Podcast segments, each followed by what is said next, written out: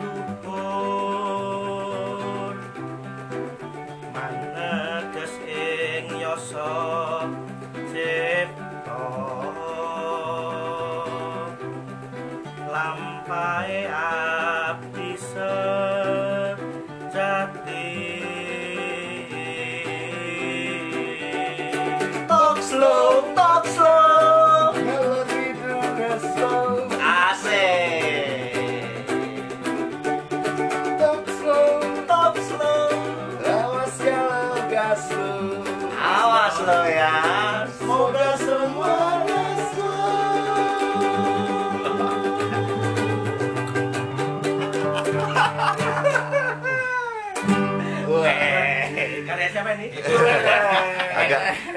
agak beda dari biasanya. Wah, langsung gembrobios ya. Op- Openingnya sangat nyes nih. Hari Kamis gerimis, optimis, Oke. obrolan tiap Kamis. Optimis. Baru lagi. Mau kode ya. Awak ya. Pesimis, penuh sifat misteri. Sama seperti yang datang ke slow hari ini.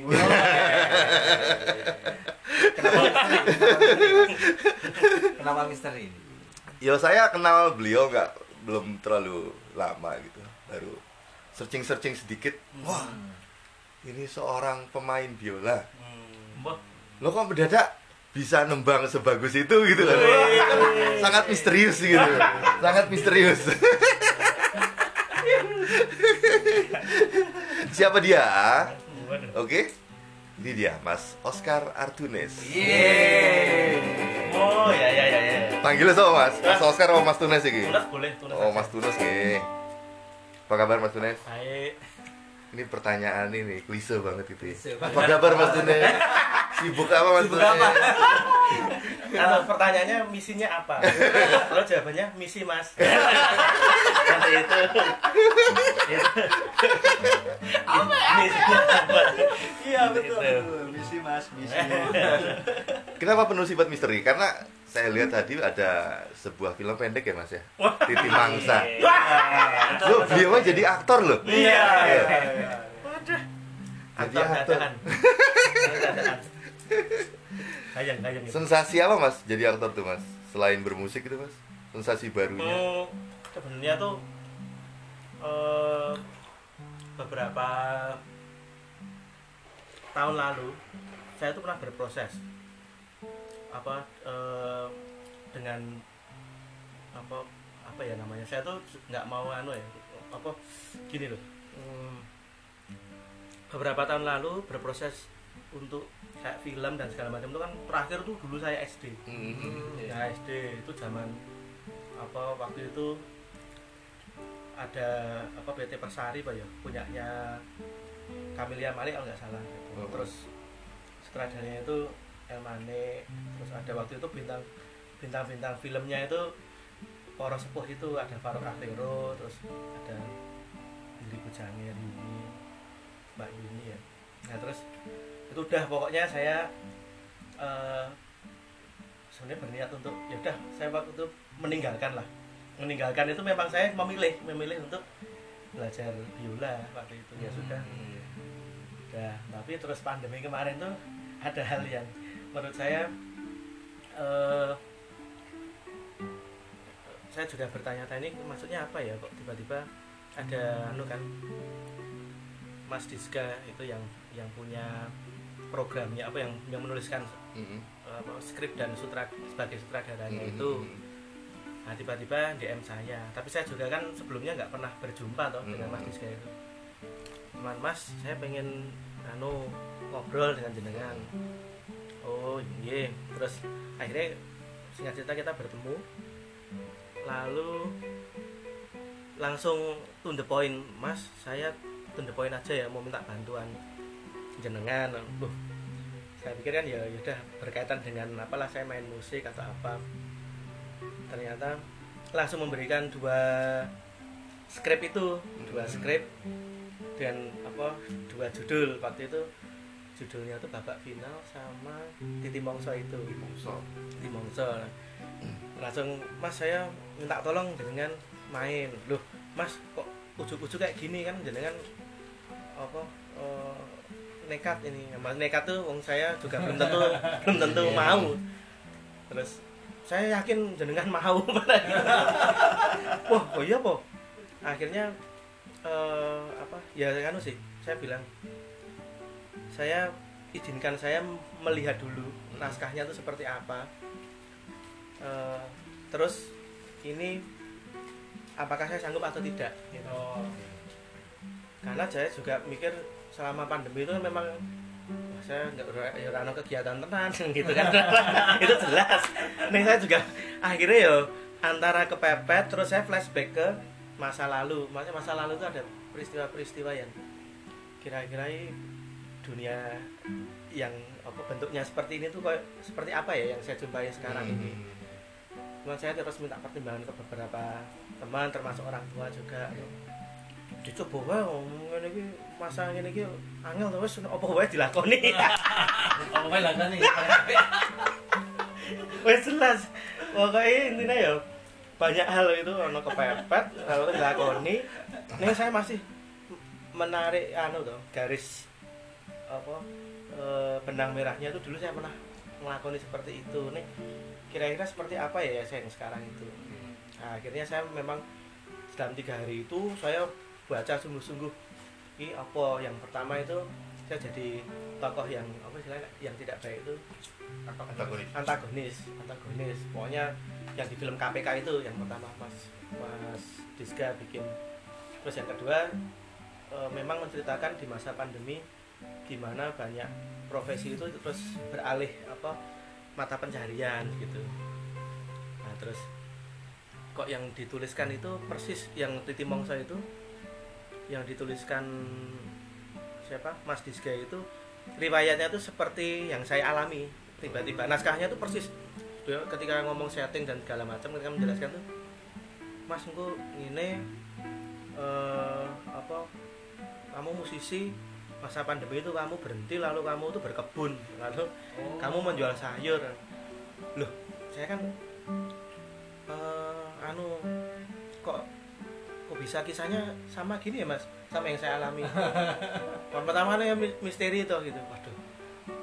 Terus ternyata juga lah saya juga ngikuti ya, apa medsosnya jenengan toh kegiatan-kegiatan itu. Dan rumah kita kan teman dekat saya baru nyadar kalau rumahnya tuh satu kampung sama saya. Nih. Terintai. atau indah ya jadi RT 1 saya RT 5 toh. Terus Oke. wah jenengan tuh anu toh ponakane Mas apa NDSB itu sama putrane Mas Untung gitu. Uh, nggih, nggih. akhirnya ya sudah saya nganu aja sih mencoba menerima menerima menerima apa adanya Apa adanya. menerima apa sebenarnya menerima peristiwanya itu sih Iya. apa ya sudah saya syukuri gitu Iya. ya se- seperti itu peristiwanya sih. Pengalaman berharga banget ya mas ya. Sungguh-sungguh nganu berharga sih berharga Nah berkebun tadi itu sensasinya sa- sama seperti bermusik apa enggak mas? wah ya itu berkebun saya anu ya itu ada pelajaran tersendiri yang saya maksudnya yang Heeh. yang saya rasakan ya Oh. dari awal memang Maret itu terus kami semua kan didorong oleh apa ya para sepuh untuk pokoknya menanam kita belajar hidup dari menanam. Wis pokoknya sing penting ora hasilnya ning proses itu sendiri yang harus saya tahu. Katanya seperti itu loh. Lalu kan memang rencang-rencang dan tetangga itu berbaik hati. Ada tetangga yang me- meminjamkan kebunnya lahannya. Oh. yang tahun lalu eh, dua tahun yang lalu eh, yang istilah yang punya kebun itu tuh Sedo Mbah Budi itu. Lalu kan mangkrak satu tahun sebelumnya. Lalu begitu pandemi saya nyoba nembung ini untuk ya nanam tapi nanti hasilnya untuk bareng-bareng warga sekitar sini. Pokoknya dibagi lah nggak ada yang gitu. Terus akhirnya memang dari peristiwa menanam itu diperjumpakan dengan banyak orang. Diperjumpakan dengan banyak apa poros dulur yang lain. Karena kan waktu itu ngambil bibit di Wonosari, Kulon Progo, terus ada yang dari Magelang di drop, ada yang di Lingseng. Nah di situ kawan-kawan tuh nganu apa eh, saling mendukung. Terus di situ ada pembicaraan-pembicaraan yang ya memang akhirnya ngerembuk kehidupan itu tuh. Maksudnya di situ tuh oh ini anu proses nanamnya. Kalau tekniknya saya jujur nol. Nggak tahu Bercocok tanam ya? itu bercocok tanam tuh nak di misalkan di kurasi ilmu pertanian tuh wah ngawur lah nganu apa tatanane. Tapi kami itu memang mengelola nanam. Terus kegiatan itu saya kan sama Mas Tony itu terus sama dia sama pacarnya terus ada apa eh, tetangga lagi nama namanya Mbak Fitri itu yang turut membantu. Lalu airnya aja urunan itu mas. Artinya sumbangsih dari kebunnya Mbak Budi. Nah terus samping ini kan ada rumahnya eh, apa Mbak Titik sama Mas Anggoro itu yang kasih air gitu. Terus ada pokoknya di situ eh, menerima hasilnya itu pertama pas seduluran memang. Yuk jadi rumah ket jadi ngobrol. Oh, gitu. nah seperti itu. Nah, lalu apa eh, saya juga yuk belajar tuh bertetangga itu seperti apa dari peristiwa itu. Misalkan pagi atau sore ke kebun pasti ketemu orang mesti ngobrol di situ. Oh, gitu. ngobrol pokoknya melihat apa pun di situ ketemu sopo kok yuk rakyat ngaruh-ngaruh main sepintas nih itu sapaan-sapaan yang menurut saya. Indah loh ternyata loh gitu Enggak. pokoknya tiap sore jam 3 berkomitmen. Ah. 2020 kemarin berkomitmen untuk nyirami. Hmm. Gembor terus sampai ada ada lagi eh, lahan apa yang kebun dari tetangga itu yang sampai bikinkan kami sumur. Supaya kami nyirami tiap sore di situ kan. Tuh, pokoknya sampai seperti itu terus bikin kebun semai apa eh, tempat ruang semai gitu. Terus membagi apa bibit ke warga gitu. Pokoknya yang penting silahkan ambil ditanam di rumah masing-masing gitu gitu tanam dan dari situ anu sih langsung menjumpai hal-hal yang memang baik. Memang hasilnya memang kepada eh, kerohaniannya itu sih. Kerohaniannya itu maksudnya pengen menggantikan apa ya apa subjek katanya selain kerohanian tapi ya ya sinar urip mungkin. Urip. gitu sih Pak Radia. Oke. Panggil bapak. Ya, mau dipanggil apa? oh, Oh, oh Ini eh, kemarin kayaknya mas kita ngobrol soal ini mas. Saat pandemi ini kok kita malah kembali dihadapkan tuh pada tema-tema kecil dan menarik gitu loh mas. Hmm, seolah-olah kita dipalingkan dari tema-tema besar selama ini. Hmm. puluhan tahun kita hidup kita selalu terpaku pada tema-tema besar lalu berapa bulan hampir setahun belakangan ini kita dibalik loh mas. Hmm, ini loh lihat. Nggih. tema-tema kecil ini lebih menarik gitu. Hmm. sepertinya seperti itu ya mas ya? Sebenarnya ya saya juga merasakannya seperti itu. Artinya eh, malah kita didorong untuk memperhatikan hal-hal yang terkecil bahkan didorong untuk memperhatikan diri kita sendiri. Hmm. artinya noto untuk noto diri kita sendiri dalam situasi yang seperti ini Hmm. karena ya dari peristiwa menanam itu saya merasa dan saya berdiskusi dengan teman saya yang menanam itu ternyata peristiwa menanam itu menyelamatkan hati dan pikiran Hmm. artinya Iya. menyelamatkan itu sampai kayak gini arah ano peristiwa nyirami tiap sore itu Eh, kita mungkin nek mau bengong menengi juk lari kepada pikiran-pikiran yang mungkin mencurigai atau juk hal-hal yang apa? Negatif ya? Iya cenderung juk mungkin negatif atau apa. Tapi terus kita mencoba setiap habis nyirami itu kan mesti cerita mesti merenung itu sebenarnya apa tuh yang terjadi. Oh ini ternyata istilahnya lampah untuk winoto. Kita me- menata diri kita sendiri supaya eh, apa minim pikiran kita tuh yuk iso menep iso Yes. hati kita yuk iso tenang tapi memang itu perjuangan sih waktu itu karena kan gimana apa eh, pertama kan yang dilihat secara dunia ini iki kita tuh nganu loh nol secara misalkan penghasilan atau apa Iya, tuh hmm. tapi ya udah apa ada sedikit sedikit orang yang membantu terus kita coba olah ini ke apa kebun itu maksudnya ke Hmm. ke cara kita nembungnya pokoknya kita ingin belajar menanam. Kita ingin belajar menanam. Lah di situlah dari peristiwa-peristiwa itu sampai kita akhirnya dari peristiwa merawat tanaman itu ya ketika kita merawat tanaman itu ya seperti menanam apa seperti menyiram diri kita sendiri. Oh, ya iya. sampai seperti itu. Ya anu aja sih mengalir sih waktu itu. Enggak enggak ada sesuatu yang Yang terus direncanakan Oh, tidak direncanakan. Tapi tiap hari kan memang harus diperhatikan toh tanduran Iya, itu. betul. Misalkan dari eh, hama itu mis- misalkan ada ayam atau Iya. apa. Nah, hal yang seperti itu piye menjaga supaya lalu membersihkan kebun. Nanti membersihkan kebun itu di dalam apa? eh, jadi setiap hari itu pasti menemukan sampah. Nah di situ kayak mengkoreksi ya, mungkin di dalam diri saya itu juga oke sampah. Nah, kayak le le le le ngareki meng waton kae pokoke iki ana sampah berarti di dalam diriku juga ada sampah. Ada oh, sesuatu yang harus memang saya di oh, dibersihkan. Karena tiap hari loh pasti menemukan anehnya mau mikir ano lho ning kene kok iso ono ngono kayak gitu lucu. Ke- kebunnya itu tuh.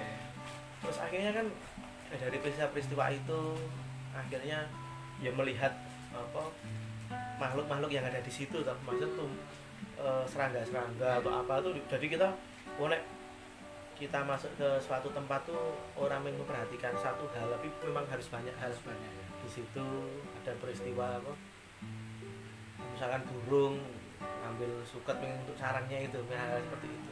Hal-hal yang kecil sih apa yang dianggap kecil. Tapi setelah saya renungkan setiap malamnya itu dari ke kebun tuh ini sesuatu yang anu ya eh, ternyata sangat eh, menyelamatkan hati dan pikiran saya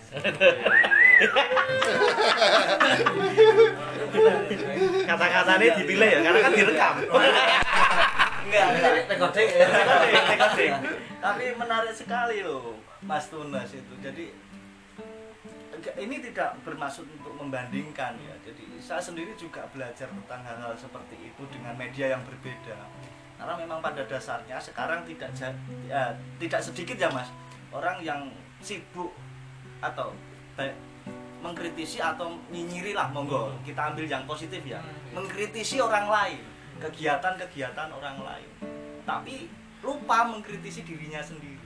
Ya, dalam menanam itu juga ternyata Mas Tunes menemukan menemukan hal yang oh ternyata neng jero ku ono regetan dan harus artinya mengkritisi diri sendiri untuk lebih semele lebih menep. Itu luar biasa. Eh, saya pernah ngobrol sama salah satu sesepuh. Waktu zaman saya itu SMP waktu itu. Jadi SMP itu saya termasuk Hmm. apa orang sing nggak jarang pulang gitu kumpul-kumpul gitu seperti ini. Daripada kamu itu melakukan hal-hal mengkritisi orang lain sing kamu ndak jelas ilmunya mending kamu itu menggali potensi apa sih harus kamu bisa. Sampai pada saat itu terus saya menggali potensi saya menjadi pengamen mas. Jadi SMP itu saya ngamen. Karena daripada saya terus rono rene rono rene habis pulang sekolah sore itu saya izin sama bapak saya. Neng dile ngelatih mental sampai terbawa sampai SMA waktu itu. Ngamen. Tapi tidak di bis ya Hmm. tapi di perumahan-perumahan. Oh. jadi ngubeng di perumahan. Suatu saat sampai ketemu sama teman bapak saya guru. Jadi saya nggak tahu kalau itu rumahnya teman bapak saya. Dilapor ke sama bapak saya anakmu ngamen ini. Itu orang ngamen apa? Ngelatih mental. Jadi, itu pernah saya dapatkan seperti itu. Dari dan sekarang kok saya melihat juga saya harus mengkritisi diri saya sendiri. Banyak banyak teman-teman sing ya nyon sewu mas ya. Misalkan ada delala kecelakaan ada banjir bukan bermaksud apa apa ya. Semua seolah-olah menjadi pakar. Banjir pakar opo pakar opo. Hmm. tapi dia lupa dengan dirinya sendiri. Daripada mengeluarkan energi untuk seperti itu kok menarik sekali dan merinding sekali saya. Energi Mas Tunes dialihkan pada hal-hal sing ya itu tadi toh membuat semua hati dan pikiran menjadi lebih Hmm. atau semakin tenang Asik. asik Tapi intinya itu sih, selain memperhatikan hal-hal yang kecil, tema-tema yang kecil, juga harus berhati-hati dengan hal yang sangat kecil. iya Virus loh. iya Yo, Iya. ini ada apa sebenarnya gitu? Ada apa gitu loh. Memperhatikan tema kecil tapi juga harus berhati-hati dengan yang sangat kecil. Balik ke Mas Tunes. Niki Mas. Eh, apa ya? Aku nangkap selama ini musik itu eh, selalu bersisian dengan perkembangan mental dan spiritual, Mas. Hmm.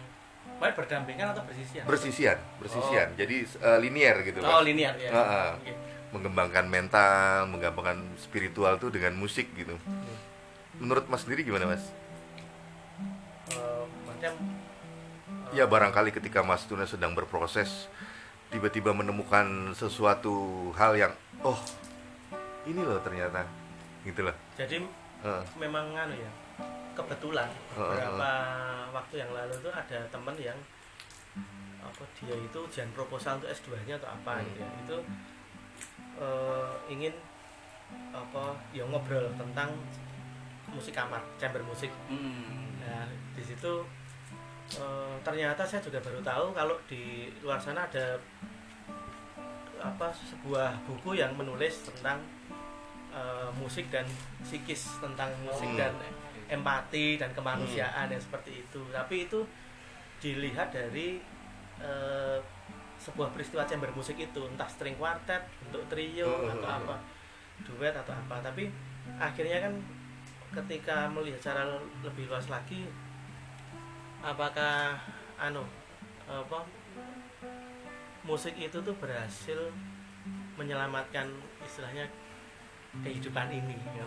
Hmm. artinya eh, saya terus nganu toh dari pertanyaan temen itu saya mulai flashback proses-proses yang lalu-lalu gitu tentang Hmm. apa eh, di dalam proses bermusik itu apa yang dijumpai apa saja yang dijumpai terus bagaimana musik itu dapat mengubah manusia itu menjadi manusia yang baik Hmm. ada karena artinya terus bicara musik saya juga mengamati apa yang dilakukan Pak Pardiman misalnya terus Hmm. ada apa para penghayat-penghayat seni yang lainnya itu apa yang dijumpai di dalam? Musiknya saya mulai sedikit mengamati apa yang dilakukan bah- bahkan dari lintas disiplin seni yang lain.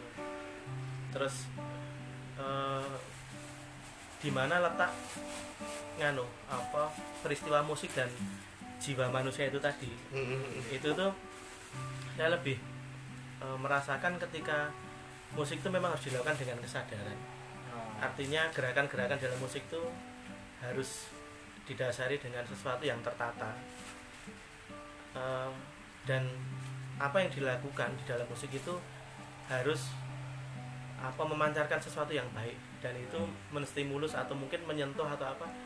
Tapi yang penting para pelakunya sendiri harus ikhlas. Dan yang mendengarkan juga akan di situ ada peristiwa mendengarkan mendengarkan bunyi atau mendengarkan apa sebuah komposisi yang lain atau apa.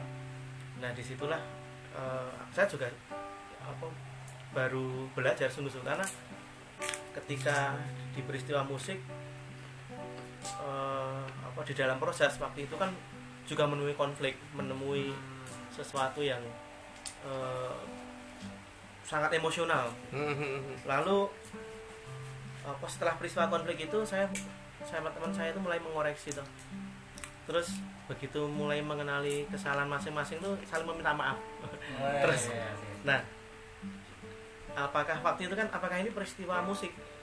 Apakah ini peristiwa apa saja nih piye toh Hmm. apakah akhirnya memang sempat bingung dewe menyimpulkan.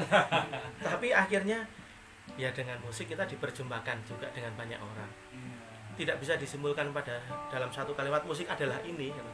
ya musik itu adalah kehidupan itu sendiri ya memang harus dikenali dengan itu tadi se apa sebisa mungkin menyelamnya sedalam mungkin. Akhirnya kita menjumpai banyak hal yang yang kita jumpai dalam peristiwa-peristiwa itu. Karena eh, ya yang paling akhirnya saya harus menyadari ya musik itu tidak bisa kita lakukan sendiri tapi ada sang maha musik itu sendiri yang mengcreate itu yang mengharmonisasi kehidupan ini. Sehingga apa eh, peristiwa-peristiwa entah apa ya kita mau berfilosofi dengan musik itu sendiri atau musik dipandang sebagai bunyi itu sendiri atau musik sebagai apa dasar dalam dia memandang kehidupan ini nah, itu akhirnya setiap pribadi sepertinya punya apa sesuatu masing-masing di situ. Dia bisa memvisualkan atau bisa me- apa menjadikan musik itu apa sebagai tempat apa ruang tersendiri bagi kehidupannya. Itu sing yang yang yang apa kemarin baru juga eh, apa sedang aku mencoba rasakan ya Pak Radian tentang hal seperti itu. Karena eh, bentuk yang misalkan saya bermain campur musik oh, sejak dulu saya SMM sampai hari ini bermain terus.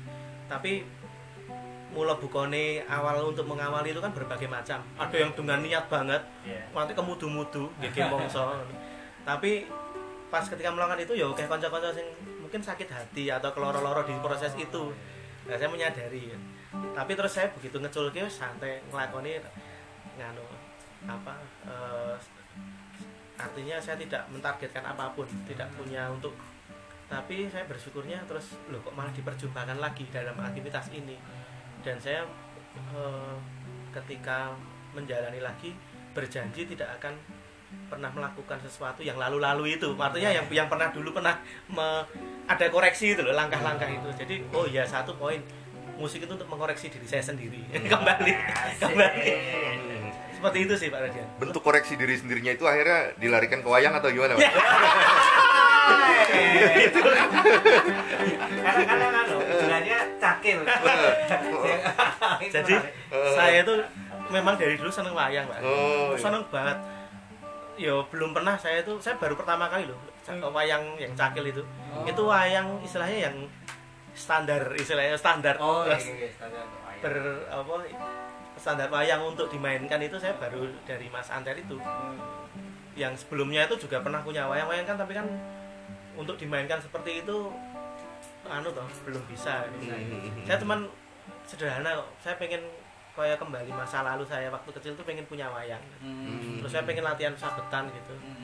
Mungkin jauh dari bener ya maksudnya nggak jauh dari teknik yang bener tapi saya cuman eh, ya pernah berjumpa dengan teman-teman dalang itu ngan ngandani dulu Mas Mas Nanang itu terus ngajari ngajari ini terus nah akhirnya saya mulai ya merindukan oh ternyata saya lebih baik tidak membatasi lah.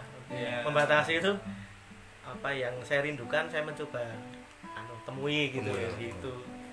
Wayang seperti itu sih. Lebih ngeslow ya? Ngeslow. Ngeslow.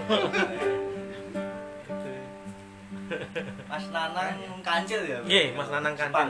Nggih, Mas Nanang itu Hmm. itu kan pernah melihat wayang yang saya waktu itu saya desain wayang Hmm. dari bentuk-bentuk biola itu Iya, kan iya, terus iya.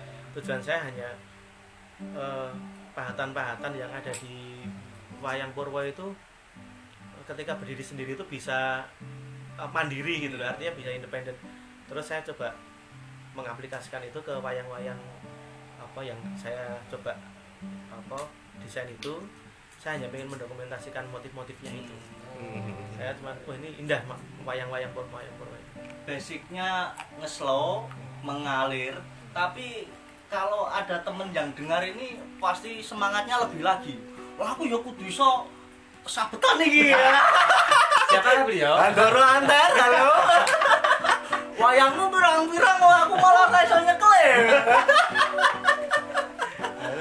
ya jadi ya sama Mas Anter itu pokoknya belajar banyak sama Mas Anter juga. Nah, terus tadi di awal tuh kan Mas sempet agak apa? mengalunkan apa itu namanya tadi, Mas? oh nah itu tembang mocopat Oh, teman mau coklat. Hmm. pangkur Hmm. Sedang berusaha mengenal ke arah sana juga, Mas. ya jadi sebenarnya eh, kalau mocopat juga saya tuh dulu kembali ke masa lalu juga Hmm. itu tuh ada tetangga saya namanya almarhum Pak Suharjindro Hmm. beliau itu yang eh, dulu di dusun saya itu menganu mengajari bebono terus bebono itu ya di situ ada sesora terus ada apa, geguritan ada. Tapi yang waktu saya SD itu saya ikut di dalam apa kelasnya Pak Arjindro di dusun saya itu eh, mocopat. Nanti ya beliau itu membuat cerita kancil. Tapi diadaptasi dialognya itu dengan tembang. Nah waktu itu kan banyak pesertanya. Tapi saya waktu itu juga sebenarnya eh, sing paling apa paling cilik gitu loh. SD yang lainnya kan udah ada yang S, apa SMP atau apa.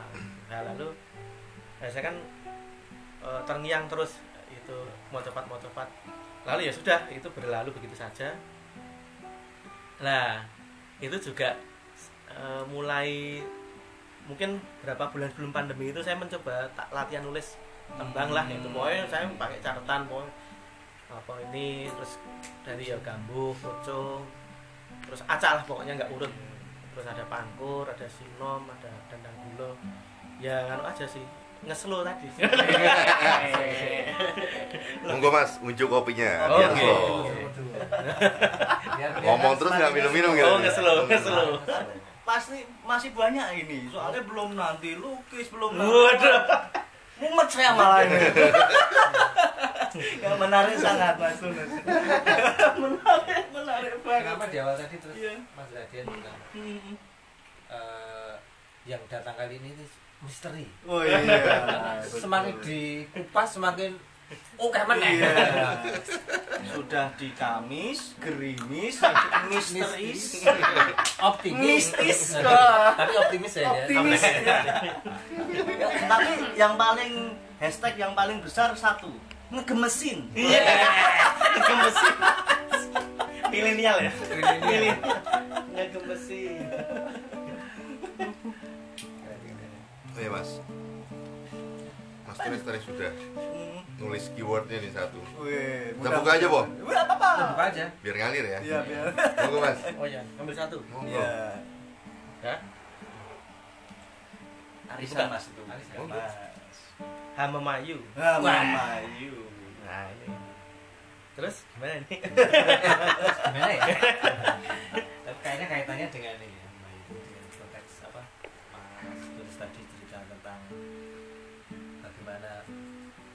mulai melirik sekitar kita. Dengan baik dari introspeksi diri terus ternyata kok eh, tertarik di tanam menanam. Karena kaitannya ternyata mungkin ya ada kaitannya antara diri dan bumi. Mungkin ya. Karena kaitan hama mayu itu hama kan mayu. memperindah gitu ya. Iya. ya itu tadi sih berkaitan dengan peristiwa menanam waktu itu apa tahun kemarin itu lalu ada peristiwa merawat menjaga merawat dan melindungi Oh, iya. menjaga merawat dan melindungi tanaman itu sendiri lalu juga ternyata tanaman kan juga tidak bisa berdiri sendiri ada Hmm. tanah terus Iya. ada yang lainnya kita ngeduk sudah ono cacing ono Iya. Hmm. hal-hal jadinya memang dari peristiwa itu kita disuruh memperhatikan hal-hal yang terkecil dan hal-hal yang terkecil itu ternyata terkoneksi satu sama lain saling Iya. mempengaruhi saya juga apa tidak bisa melihat sebenarnya apa yang terjadi tapi saya cuma melihat sebuah apa hubungan apa, eh, satu dengan yang lainnya ya apa mungkin konstelasi atau apa. Hmm. ya itu nggak tahu saya juga artinya cuma cuma Oh. bahasa bahasa sederhananya mungkin bisa saling melengkapi. Nah, bener. harus sederhana mungkin mas benar harus itu saling melengkapi. Melengkapi. itu benar melengkapi. Inspirasi tiada henti. Bener. Kan ketemu sama Mas Tony sama Mas Bagas 50.000 ribu pertama. Ya intinya terus akhirnya ya sudah satu sama lain saling terhubung. Mereka itu eh, sebuah hal-hal kecil yang hidup dan saling apa eh, menjaga merawat melindungi dan demi berlangsungnya kehidupan yang utuh itu di kebun itu ya Hmm, Pak, iya, yang saya lihat tapi mungkin juga tidak hanya ber- kebun itu itu kan bagian dari jagat ini artinya Iya. ya semakin yuk nek kita melihat kebun ini di dusun Hmm. ya di sini tapi ini itu ya bagian dari dusun ini dusun ini ya bagian dari ya kehidupan ini sendiri artinya Hmm. Ya akhirnya Hama Maya harus diawali dari kesadaran sih. Kesadaran. kesadaran sih. Yang kesadaran untuk gimana ya saya harus apa eh, misalkan apa melihat tanaman sing eh, saya pernah mengalami toh salah nanam salah Oh. posisi apa nanam itu lo- lokasinya tuh salah. Jadi cabai yang sudah seharusnya dipindah di tempat yang terbuka saya itu tanam di bawah eh, pohon nongko dan lengkeng itu gitu. itu kan hijau banget. Iya. itu jendel istilahnya di situ tuh enggak tapi terus ada apa kawan sing ngelingi terus pindahan kuwi. Jadi kowe nek arep ndandani iki ora yuk mateni wite tidak Ah. membunuh wite ning sing mbok apa dandani itu cara mulai nandur kuwi kuwi sing kleru ta oh terus gage-gage sak pindah itu padahal ada 70 tanduran itu. Oh. Iya. jadi saya dari pagi sampai siang itu main mindahin itu sama temen itu kan tapi ajaibnya itu sehari setelahnya itu langsung berbunga Oh. jadi memang dia menunggu saat set ngono Iya. kayak, terus kena sinar terus akhirnya eh, dua hari berikutnya itu udah bertunas Ah. berbuah itu berarti kan eh, ada kesalahan yang selama ini saya lakukan loh dalam itu. Ya kayak gitu sih. Untuk minim saya apa belajar dari apa istilah memayu tadi dari proses menanam itu sih. Hmm. untuk peduli untuk sebenarnya lebih kepada yang peduli. Iya. karena orang yang tahu tanaman kan langsung nganu kan langsung gue ngawur nes le mau nandur iki. Kan. Gue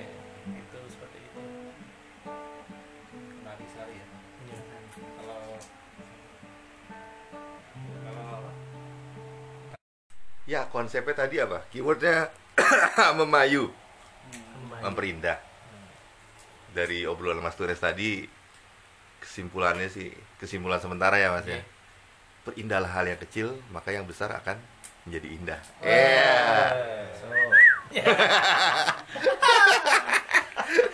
tetap waspada dengan hal yang Yang sangat kecil. kecil. Itu waspada. Perindahlah tapi tetap waspada. Keyword selanjutnya? Tes ya oh. Virtual dan realitas. Wah, dunia maya dan dunia ini Itu ada di lagu kita. Eh, nyata yang palsu gelapkan kalbu. Dimainin belum indoor masalahnya. belum endorse ya? Bahaya bahaya. Aku nunggu ini mas ini gesekan biolanya mas Tunes ya. Virtual dan realitas. Virtual dan realitas. Itu Saiki udah- sekali itu ya saat ini. udah nggak jelas ya?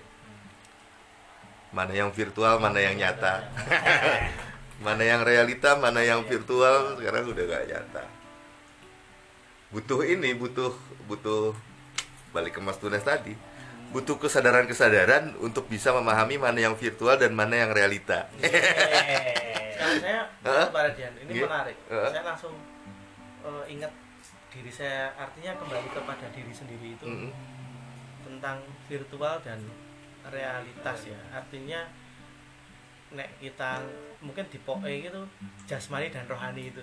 Oh. Saya nyambungnya di situ sih. Mbuh itu gadok atau ora meng meng ngawur loh nih ya. Gadok, gadok, Kamu gadok ya? Emang nggak mau ngawur. Gadoknya aja, gadoknya aja. Saya eh, yang menarik, oh iya ya, begitu saya virtual dan realitas sekarang eh, terus ya kembali pada diri di masa-masa sekarang ini penting untuk menjaga keduanya. Mm. Iya. Artinya jasmani ya diperhatikan dengan ya menjaga kesehatan, ya, memperhatikan apa mengenali tubuhnya itu seperti apa dalam mela- lampah seperti ini. Terus nah dalam kerohanian ini yang memang eh, apa ya setiap orang akan memiliki anunya sendiri toh, apa caranya sendiri caranya untuk jalan Iya, bagaimana ketika sudah menyadari rohani dan apa eh, jasmaninya itu, bagaimana keduanya itu bisa terus apa eh, ju- eh, jumbuh atau sinkron ya? Wah, iya. untuk ya sudah akhirnya eh, menyadari lagi di situ apa peran dari dirinya itu sendiri. Artinya kita setiap apa di dalam realita kehidupan ini kita sesungguhnya punya peran. Hmm, punya peran hidup yang dan peran itu itu juga eh, tidak jauh dari sekitar kita. Artinya sebuah eh, bentuk-bentuk kepedulian yang mungkin yang kecil-kecil itu tadi.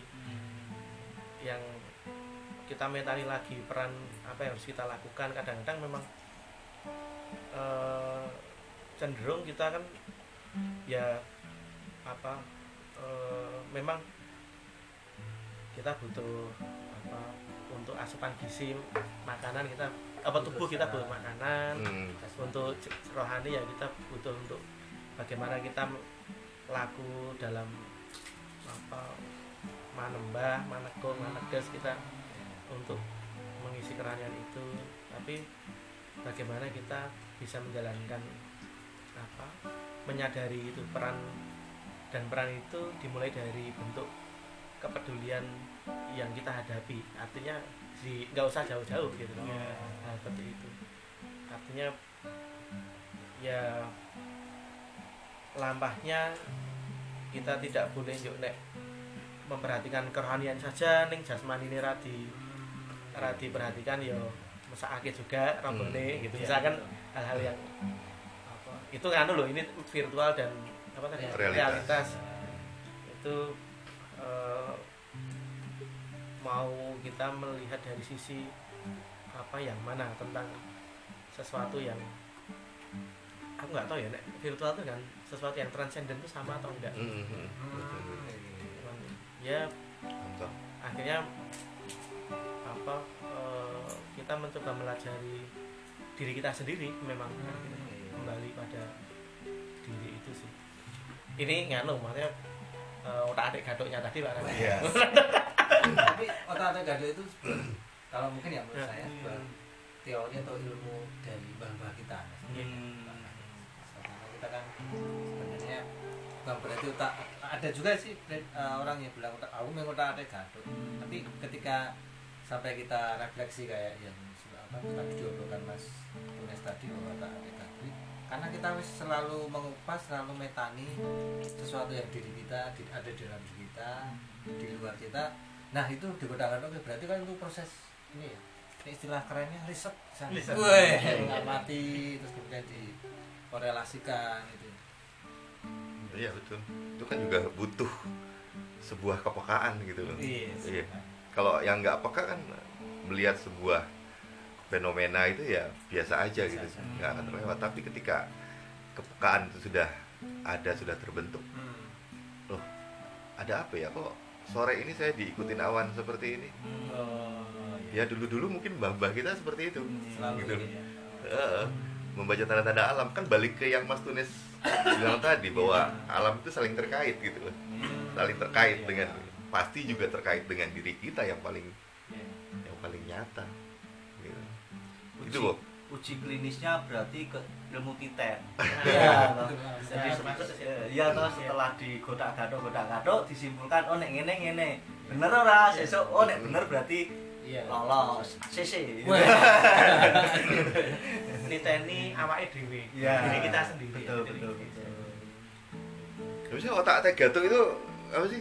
Biasanya ceplosan-ceplosan ketika ada sebuah fenomena terus eh, kayak misalnya di sosmed ya, yang paling nyata gitu. Iya, iya. Karena contohnya selalu sosmed ya. Iya, iya, Wah, iya. ini cuma otak atik gatuk Gatuk, gitu. iya. Lah terus yang nggak otak atik gatuk itu seperti apa?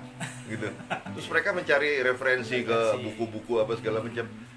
Cari ke buku pasti pakai keyword. iya Misalnya lihat eh, kata pengan apa daftar isi. iya Ya pasti itu otak atik gatuk juga gitu. Loh. iya ya cok gitu Iya, gatuknya tuh. antara anu mencari sesuatu yang apa kan anu toh pengen mencari akurasi sesuatu itu. Iya. iya.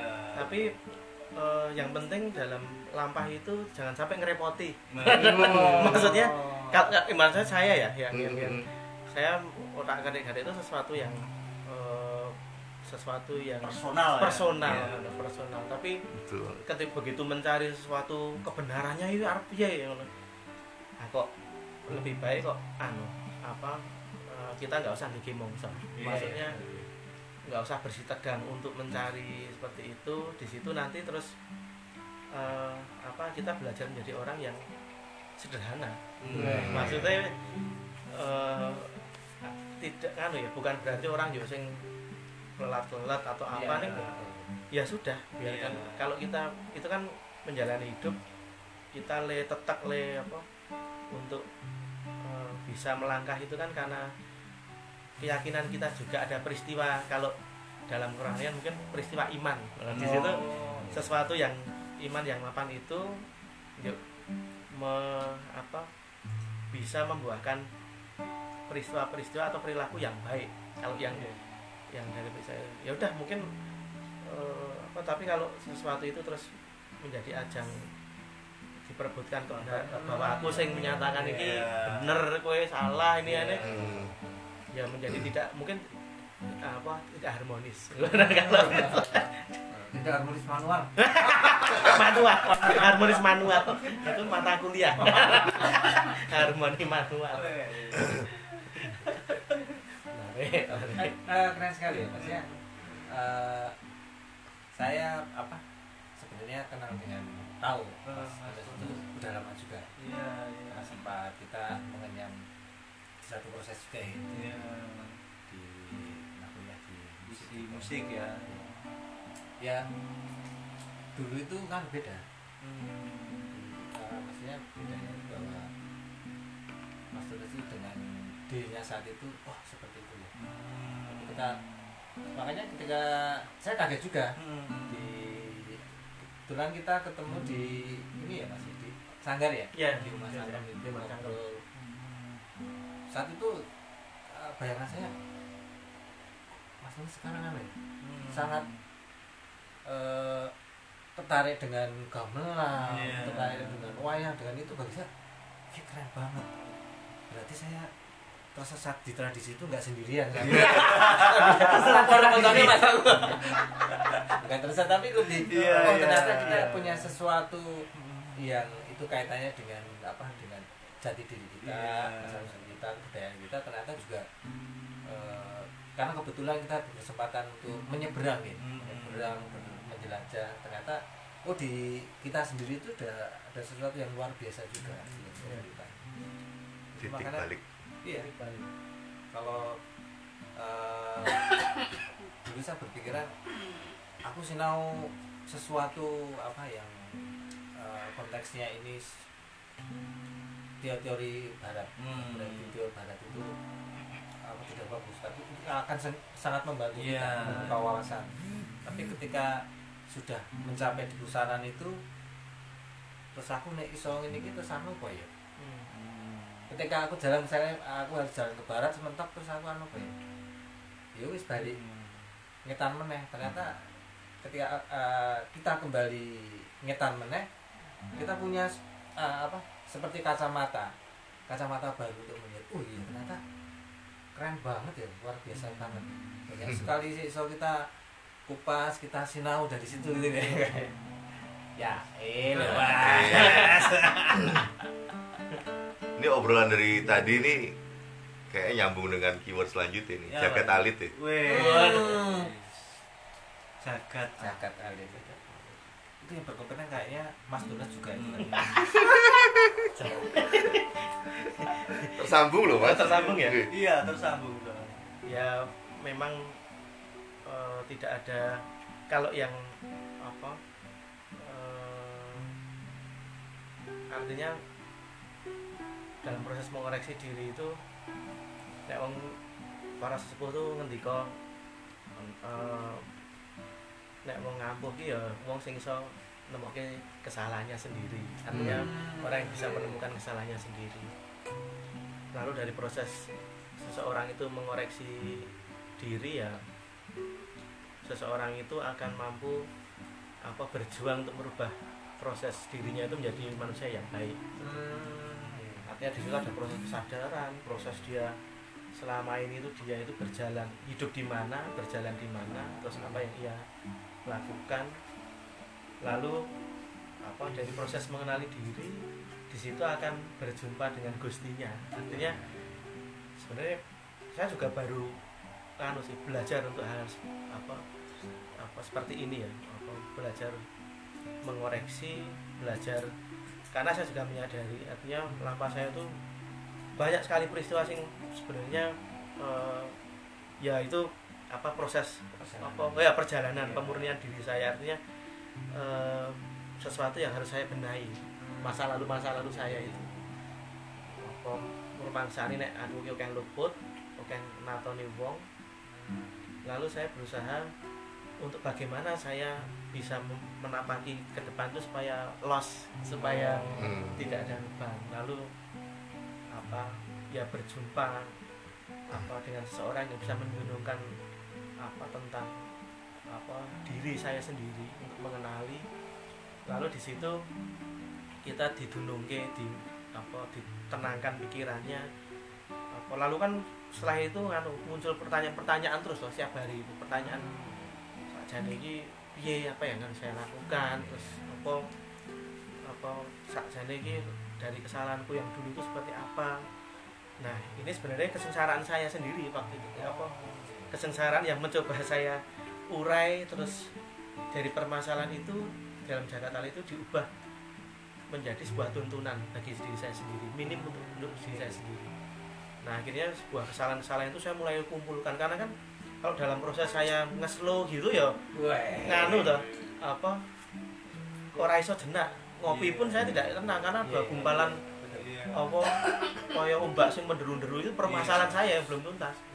Dan akhirnya diurai satu persatu. Oh kayak gue kudu ngene. Kayak persoalanmu kayak sing kayak kayak wong kayak kudu mbok temoni kayak kudu minta maaf bro kayak itu apa proses saya berdamai dengan diri saya sendiri. Terus apa eh, saya berdamai dengan orang lain. Lalu bahkan dengan anu ya saya mendidik itu maksudnya pernah miloro kewan miloro apa. Saya mengoreksi di situ. Oh sak detail-detail sekecil-kecilnya itu tadi sesuatu yang dianggap mungkin uang itu hal cilik tapi mungkin bagi saya persoalan yang besar. Hal yang seperti itu. Keisengan itu awalnya ra disadari memang biasa wae cilik tapi keisengan yang merugikan itu menjadi sesuatu persoalan besar di dalam diri saya kalau itu numpuk-numpuk ora tahu tak sadari gitu. Hmm. Nah, akhirnya proses mengenal diri itu ya melalui proses kesadaran jaga talit itu menyadari mengenali diri sendiri dan kita sehingga bisa apa jika memang lakunya itu dunung ya benar-benar ya berjumpa. Sesungguhnya eh, di dalam kehidupan ini kita memiliki peran yang seperti apa? Tidak apa? Jangan pernah maksudnya saya sendiri ya maksudnya jangan pernah saya itu yuk ambisius kayak biyen ketika saya mengejar sesuatu mentarget sesuatu hanya gara-gara saya mencapai tujuan saya ini saya melukai banyak orang. Saya kan seperti itu. Itu koreksi-koreksi yang beberapa apa eh, tahun ini gitu, yang saya Hmm. jumpai untuk yang usia semakin berlanjut jadi merasa tua sekali ya. Ini mendengar paparannya Mas Tunes nih saya makin menyesal. Iya, menyesal kenapa saya nggak pindah ke Jogja itu dari dulu. Iya. jangan saya Pak Raden di mana dulu Saya di Jakarta. oh Jakarta Oh Jakarta loh. oh iya benar itu timing mas ya. kita juga tidak akan bisa berbicara seperti Hmm. ini tanpa ada timing yang tepat pertemuan yang Iya. tepat suasana yang tepat dan bahkan tentang kenapa sih cuman jagat alit itu Heeh. karena kembali lagi obrolan kemarin-kemarin juga tentang diri kita Iya. tentang yang kecil-kecil Iya.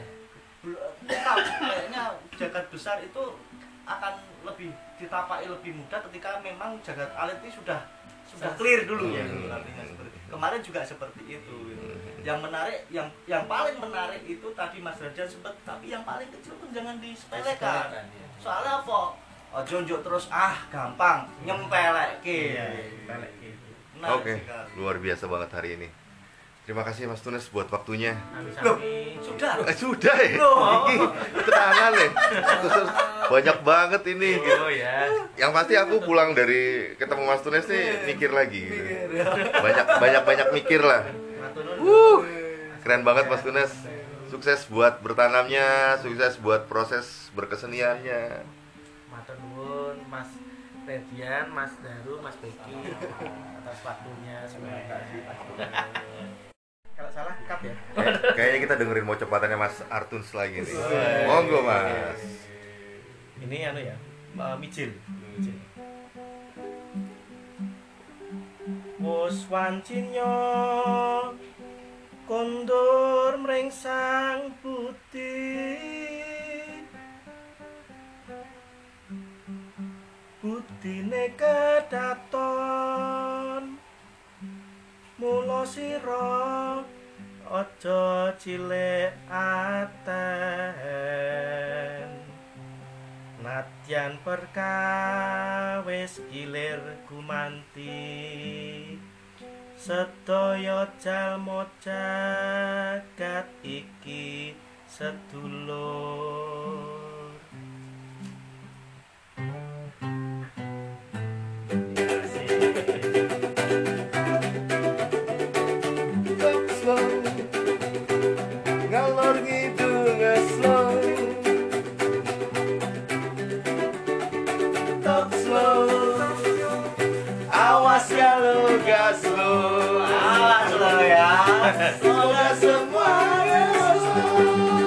kasih Mas Terima kasih, terima kasih, terima kasih, terima kasih